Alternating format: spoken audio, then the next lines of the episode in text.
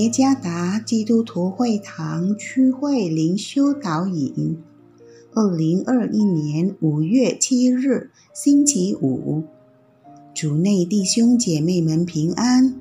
今天的灵修导引，我们要借着圣经《哥林多前书》第六章十九到二十节来思想今天的主题：圣灵居住在我们里面。作者马波比牧师，《哥林多前书》第六章十九到二十节，岂不知你们的身子就是圣灵的殿吗？这圣灵是从神而来，住在你们里头的，并且你们不是自己的人，因为你们是重价买来的，所以。要在你们的身子上荣耀神。通常，某人想要相信某事时，他需要有证明。没有证明，所有的论点和言论都会变得非常薄弱，容易被视为谎言。当某人说相信基督并接受圣灵时，也是如此。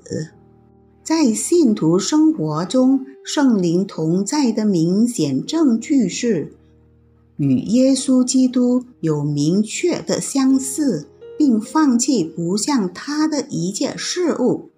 奥斯瓦尔德·钱伯斯 （Oswald Chamber） 在今天的经节中。使徒保罗向哥林多会友清楚地讲解，他们过去虽然是罪人，但是现在他们已经在耶稣基督里被赎回或称义，然后在洗礼中实现出来。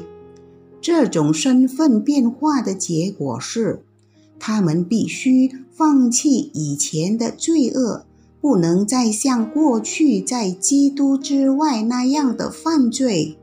使徒保罗以这种新的身份说道：“这身子是圣灵的殿或上帝的居所。”十九节，因此绝不能被不洁和邪恶的行为所玷污。这种新的生活标准引导信徒过荣耀上帝的生活。第二十节，而且圣灵的同在将帮助信徒改变生活中的所有旧习惯或嗜好，转变为不断见证上帝真理的新习惯。不要误解了，生命中有圣灵的同在。为什么我敢如此说呢？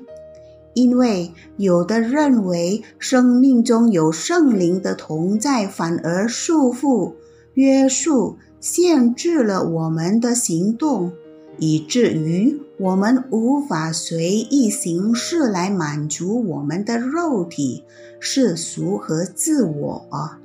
这是错误的认为。恰恰生命中有圣灵的同在。将帮助我们更加持续不断地活出信徒的新地位。他一直带领我们进入上帝话语的真理，以便在处理我们老我的欲望时有正确的认识。透过他的智慧，我们敢于否认邪恶的欲望，并跟随圣灵的意愿。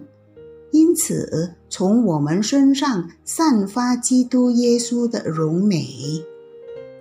远离罪恶的人，证明有圣灵居住在他里面。主耶稣赐福。